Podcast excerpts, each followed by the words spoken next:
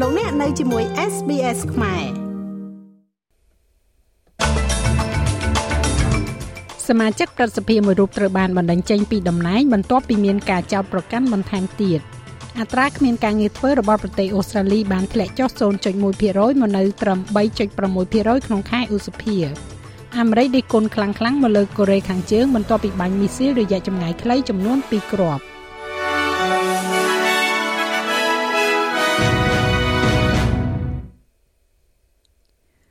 មេដឹកនាំគណៈបកប្រឆាំងលោក Peter Dutton បានបណ្ដេញសមាជិកប្រសិទ្ធិលោក David Van ចេញពីបន្ទប់គណៈបក Liberal បន្ទាប់ពីមានការចោទប្រកាន់បន្ថែមទៀតអំពីការប្រព្រឹត្តមិនសមរម្យវាកាលឡើងនៅពេលដែលលោកសមាជិកប្រសិទ្ធិវ៉ែនប្រឈមមុខទៅនឹងការចោទប្រកាន់ពីបទបំពានផ្លូវភេទដែលធ្វើឡើងដោយសមាជិកប្រសិទ្ធិឯករាជ្យលោកស្រី Linda Thorpe និងនៅក្នុងសភាកាលពីថ្ងៃពុធនិងអតីតសមាជិកប្រសិទ្ធិបក Liberal លោកស្រី Amanda Stoker នៅថ្ងៃប្រហ័សម្សិលមិញនេះ។លោកស្រីធូបានប្រើប្រាស់អភ័យឯកសិទ្ធិសភាដើម្បីចោទប្រកាន់សមាជិកប្រសិទ្ធិលោកវ៉ែនពីបទយាយីនិងរំលោភបំពានផ្លូវភេទដែលបន្ទាប់មកលោកស្រី Stoker ក៏បានចោទប្រកាន់លោកវ៉ែនពីការប៉ះពាល់មិនសមរម្យនៅក្នុងព្រឹត្តិការណ៍មួយក្នុងឆ្នាំ2020 លោកសមាជិកប្រសិទ្ធិវ៉ែនបានបដិសេធចំពោះការអះអាងទាំងពីរនេះទាំងការអះអាងរបស់សមាជិកប្រសិទ្ធិធូបនិងលោកស្រី Stoker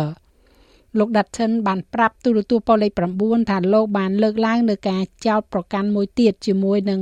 លោកសមាជិកព្រឹទ្ធសភាវ៉ែនដែលជាលទ្ធផលនៅក្នុងការសម្រេចចិត្តរបស់លោកក្នុងការបណ្ដេញសមាជិកព្រឹទ្ធសភារូបនេះចេញពីបន្ទប់របស់គណៈបកប្រឆាំង made the decision uh, I believe it's in the best interest of the Liberal Party ខ្ញុំបានធ្វើការសម្រេចចិត្តនេះខ្ញុំជឿថាវាជាផលប្រយោជន៍ល្អបំផុតរបស់គណៈបក Liberal ហើយនោះជាអ្វីដែលខ្ញុំបានធ្វើ ហើយខ្ញុំមិនចង់ឲ្យលោកសមាជិកប្រសិទ្ធភាពវ៉ែនអង្គុយនៅក្នុងបន្ទប់របស់គណៈបកយើងទេខ្ញុំបានបញ្ជាក់យ៉ាងច្បាស់ហើយហើយនិយាយឲ្យត្រង់នឹងយុត្តិធម៌ខ្ញុំគិតថាលោកនាយករដ្ឋមន្ត្រីនឹងធ្វើការសម្រេចចិត្តដូចគ្នាតាក់ទងទៅនឹងនរណាម្នាក់នៅខាងគណៈបករបស់លោកនេះជាបញ្ហានៅកន្លែងធ្វើការហើយខ្ញុំគិតថាចវាយនីរូបណាក៏មិនត្រូវបដិសេធមិនចាត់វិធានការតាមការណែនាំនោះដែរវាគឺជាអកប្បកិរិយាមិនអាចទទួលយកបាន។ លោកដាត់ថិននិយាយថាលោកនឹងមិនអត្ថាធិប្បាយបន្ថែមទៅលើចំណុចជាក់លាក់នៃការចោទប្រកាន់បន្ថែមទៀតនោះទេ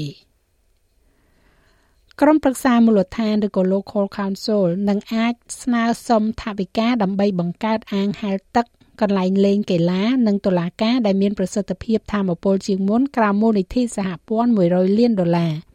នៅក្នុងសន្ទរកថាថ្លែងទៅកាន់ក្រុមប្រឹក្សាសង្កាត់ទូទាំងប្រទេសលោកនាយករដ្ឋមន្ត្រី Anthony Albanese បានប្រកាសអំពីមូលនិធិលើកកម្ពស់ធម្មពលសហគមន៍ថ្មីមួយលោក Albanese មានប្រសាសន៍ថាការបង្កើតមូលនិធិនេះបង្ហាញពីសារៈសំខាន់នៃការគ្រប់គ្រងរបស់រដ្ឋាភិបាលមូលដ្ឋាន ក្នុងការកសាងអនាគតធម្មពលស្អាតនិងប្រកបដោយនិរន្តរភាព Today I'm very pleased to announce that our government is creating a new នៅថ្ងៃនេះខ្ញុំមានសេចក្តីសោមនស្សរីករាយក្នុងការប្រកាសថារដ្ឋាភិបាលរបស់យើងកំពុងតែបង្កើតមូលនិធិលើកកម្ពស់ធម៌ពលសហគមន៍ថ្មីមួយ យើងកំពុងដាក់ប្រាក់ចំនួន100លានដុល្លារដើម្បីផ្ដល់មូលនិធិដល់គម្រោងប្រសិទ្ធភាពធម្មពលជាមួយនឹងរដ្ឋាភិបាលមូលដ្ឋាន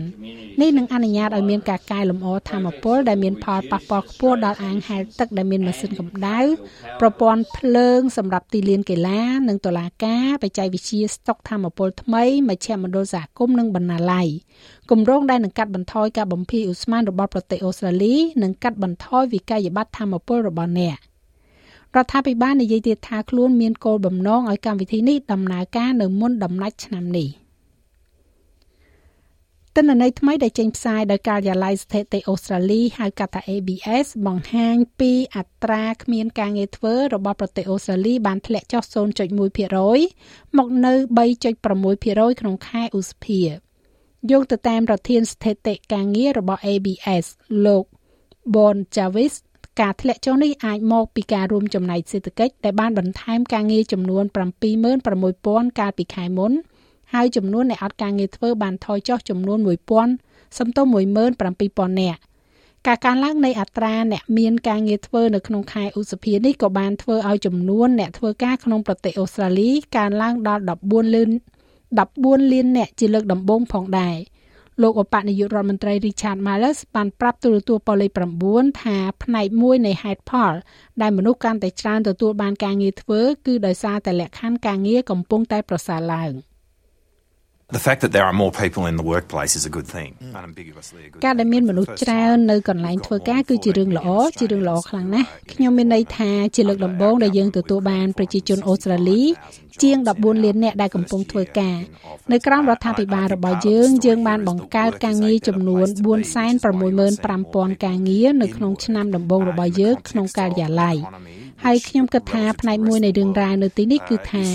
ការងារគឺជាកន្លែងប្រសើរជាងមុនជាមូលហេតុដែលអ្នកកំពុងឃើញមនុស្សកាន់តែច្រើននៅក្នុងការងារនៅក្នុងបរិបទនៃសេដ្ឋកិច្ចដែលតាក់ទងទៅនឹងពិភពលោកទាំងមូល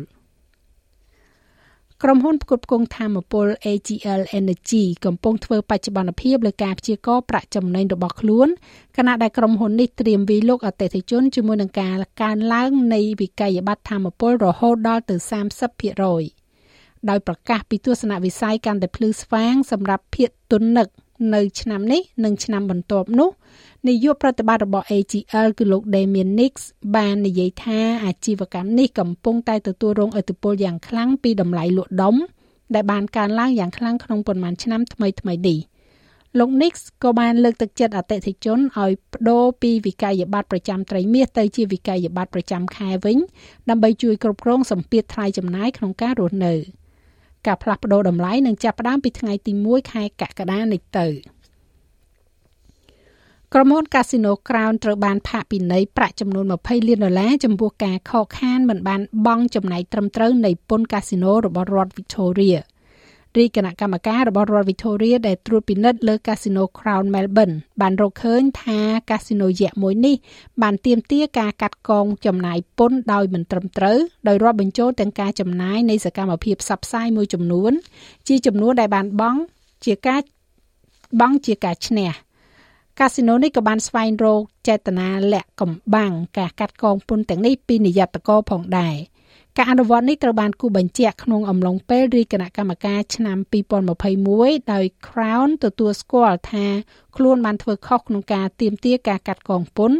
ហើយចាប់តាំងពីពេលនោះមកបានសងរាប់វិញប្រហែលជា61លាន5សែនដុល្លារជាមួយនឹងការផាកពិន័យ20លានដុល្លារនៅថ្ងៃនេះនឹងធ្វើឲ្យចំនួនផាកពិន័យសរុបរបស់ Crown មានចំនួន700លានដុល្លារហើយក្នុងរយៈពេល13ខែចុងក្រោយនេះ។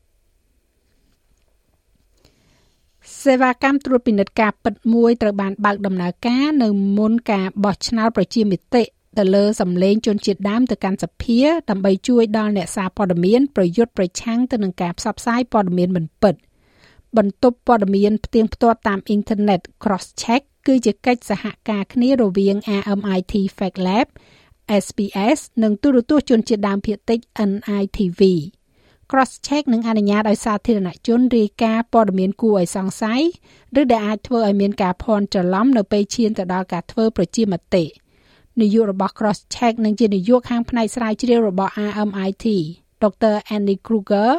មានប្រសាសន៍ថាសេវាកម្មនេះនឹងមានគោលបំណងរក្សានៅភាពត្រឹមត្រូវនៃព័ត៌មាននៅក្នុងអ្វីដែលលោកស្រីនិយាយថាគឺជាពេលវេលាដែលលំហូរព័ត៌មាន កាន់តែងាយរងគ្រោះក្នុងការរៀបចំ។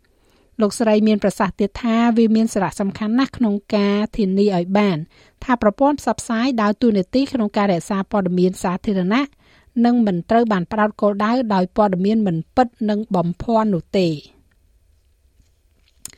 សហរដ្ឋអាមេរិកបានធ្វើការរិះគន់យ៉ាងខ្លាំងមកលើប្រទេសកូរ៉េខាងជើងបន្ទាប់ពីមានសេចក្តីរាយការណ៍ថាប្រទេសកូរ៉េខាងជើងបានបាញ់មីស៊ីលរយៈចម្ងាយខ្លីចំនួន2គ្រាប់ចេញពីឆ្នេរសមុទ្រភាគខាងកើតរបស់ខ្លួន។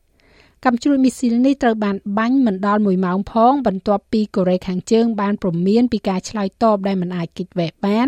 ចំពោះសម្ពយុទ្ធយោធាដែលរៀបចំដោយទាហានកូរ៉េខាងត្បូងនិងទាហានអាមេរិកសកម្មភាពចុងក្រោយបំផុតរបស់កូរ៉េខាងជើងនេះកើតឡើងនៅពេលដែលទីប្រឹក្សាសន្តិសុខជាតិរបស់ប្រធានាធិបតីអាមេរិកលោក Joe Biden ស្ថិតនៅក្នុងទីក្រុងតូក្យូសម្រាប់កិច្ចប្រជុំជាមួយនឹងសមាភាគីជប៉ុននិងកូរ៉េខាងត្បូង។ នៅក្នុងជំនួបជាមួយទីប្រឹក្សាសន្តិសុខជាតិរបស់កូរ៉េខាងត្បូងនិងជប៉ុននេះអ្នកទាំង3បានបញ្ជាក់ថាពួកគេនឹងធ្វើការយ៉ាងជិតស្និទ្ធជាមួយគ្នាដើម្បីឲ្យកូរ៉េខាងជើងបោះបង់អាវុធនុយក្លេអ៊ែររបស់ខ្លួនអ្នកនាំពាក្យក្រសួងការបរទេសលោក Matthew Miller មានប្រសាសន៍ថាការបាញ់មីស៊ីលទាំងពីរគ្រាប់របស់កូរ៉េខាងជើងនេះរំលោភលើដំណោះស្រាយក្រុមប្រឹក្សាសន្តិសុខអង្គការសហប្រជាជាតិ These launches are a clear violation of multiple UN ការបាញ់បង្ហោះទាំងនេះគឺជាការរំលោភយ៉ាងច្បាស់ណាស់លើដំណោះស្រាយជាច្រើនរបស់ក្រុមប្រឹក្សាសន្តិសុខអង្គការសហប្រជាជាតិហើយវាបង្ហាញពីការគំរាមកំហែងនៃអាវុធប្រឡាយលោកខុសច្បាប់របស់កូរ៉េខាងជើងនិងកម្មវិធីមីស៊ីលផ្លោងដែលចោទជាសំណួរដល់តំបន់នេះដល់សន្តិភាពនិងសន្តិសុខអន្តរជាតិនិងរបបមិនរិចសាយអាវុធនុយក្លេអ៊ែរជាសកល ខ្ញុំក៏នឹងកត់សម្គាល់ផងដែរថាថ្ងៃនេះសហរដ្ឋអាមេរិកបានដាក់ទណ្ឌកម្មលើបុគ្គលកូរ៉េខាងជើង2នាក់សម្រាប់ការគ្រប់គ្រងកម្មវិធីអាវុធប្រឡាយលោកនិងមីស៊ីលខុសច្បាប់របស់កូរ៉េខាងជើងនេះដូច្នេះយើងនឹងបន្តចាត់វិធានការដើម្បីទទួលខុសត្រូវចំពោះសកម្មភាពបែបនេះ។នៅក្នុងប្រទេសកម្ពុជាវិញកោជបបង្ហាញដំណើរការបោះពុំសញ្ញាឆ្នោតសម្រាប់ប្រើប្រាស់នៅក្នុងការបោះឆ្នោតជ្រើសរើស តំណាងរាស្ត្រនៅថ្ងៃទី23ខែកក្កដាខាងមុខកាលពីម្សិលមិញគោជបបានបង្ហាញដល់តំណាងគណៈបកនយោបាយចូលរួមការប្រគួតប្រជែងនៅក្នុងការបោះឆ្នោតនិងអង្គការសមាគមសង្កេតការបោះឆ្នោតអំពីដំណើរការបោះពុម្ពសន្លឹកឆ្នោតដែលចំណាយអស់ជាង2លានដុល្លារអាមេរិកនេះលោកហនពុធាសមាជិកនិងជាអ្នកនាំពាក្យរបស់គោជបបានបញ្ជាក់ថាការបោះពុម្ពសន្លឹកឆ្នោតសម្រាប់បម្រើឲ្យការបោះឆ្នោតនេះមានជាង13លានសន្លឹក ក្នុងនោះ11លានសន្លឹកនឹងត្រូវបែងចែកទៅតាមការិយាល័យបោះឆ្នោតនីមួយៗនិងជាង1លានសន្លឹកទៀតសម្រាប់បំរុងទុកក៏ជបមានការពិនិត្យយ៉ាងម៉ត់ចត់ទី1ក្រៅពីសកម្មភាពរបស់រោងពុំដែលត្រូវតែទទួលខុសត្រូវទៅតាមស្តង់ដារដែលយើងបានព្រមព្រៀងគ្នាក៏ជបក៏បានដាក់នៅមន្ត្រីរបស់ខ្លួនទទួលខុសត្រូវក្នុងការឆែកមើលគ្រប់សន្លឹកឆ្នោតតែម្ដងមុននឹងវិច្ចំផ្ញើទៅការិយាល័យបោះឆ្នោតបាទ ចាលោកមេងផល្លានឹងជួនសេចក្តីរាយការណ៍លម្អិតនៅវគ្គក្រោយជាបន្តទៀតឬលោកអ្នកចូលស្ដាប់របាយការណ៍ពេញលើគេហទំព័រ sps.com.au/ ខ្មែរនៅក្នុងកីឡាបាល់ទាត់ខ្សែការពារវ័យក្មេងសញ្ជាតិអូស្ត្រាលី Jordan Boss ទទួលបាននៅឱកាសក្នុងការប្រកួតជម្រើសជាតិជាលើកដំបូងសម្រាប់ក្រុម Socceroo ក្នុងជំនួបកាលពីយប់ថ្ងៃប្រហ័សនៅឯកីឡាដ្ឋាន Worker Stadium ក្នុងទីក្រុងប៉េកាំង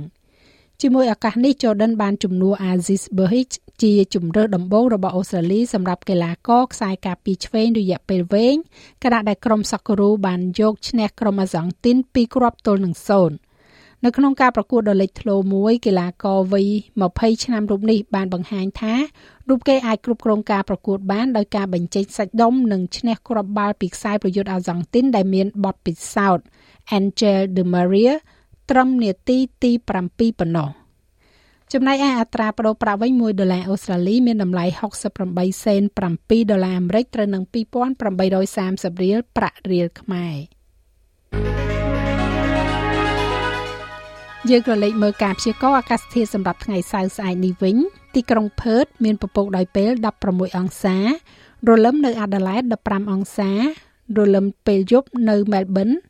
ហើយមានខ្យល់16អង្សាអាចនឹងមានរលឹមដែរនៅ Hobart 17អង្សាភាគច្រើនបើកថ្ងៃនៅ Canberra 13អង្សាបើកថ្ងៃនៅ Sydney 19អង្សាដូចគ្នានៅ Brisbane 22អង្សារលឹមបន្តិចបន្តួចនៅ Cairns 27អង្សាបើកថ្ងៃនៅ Darwin 32អង្សា និងមានព្យុះភ្លៀងនៅទីក្រុងភ្នំពេញ33អង្សា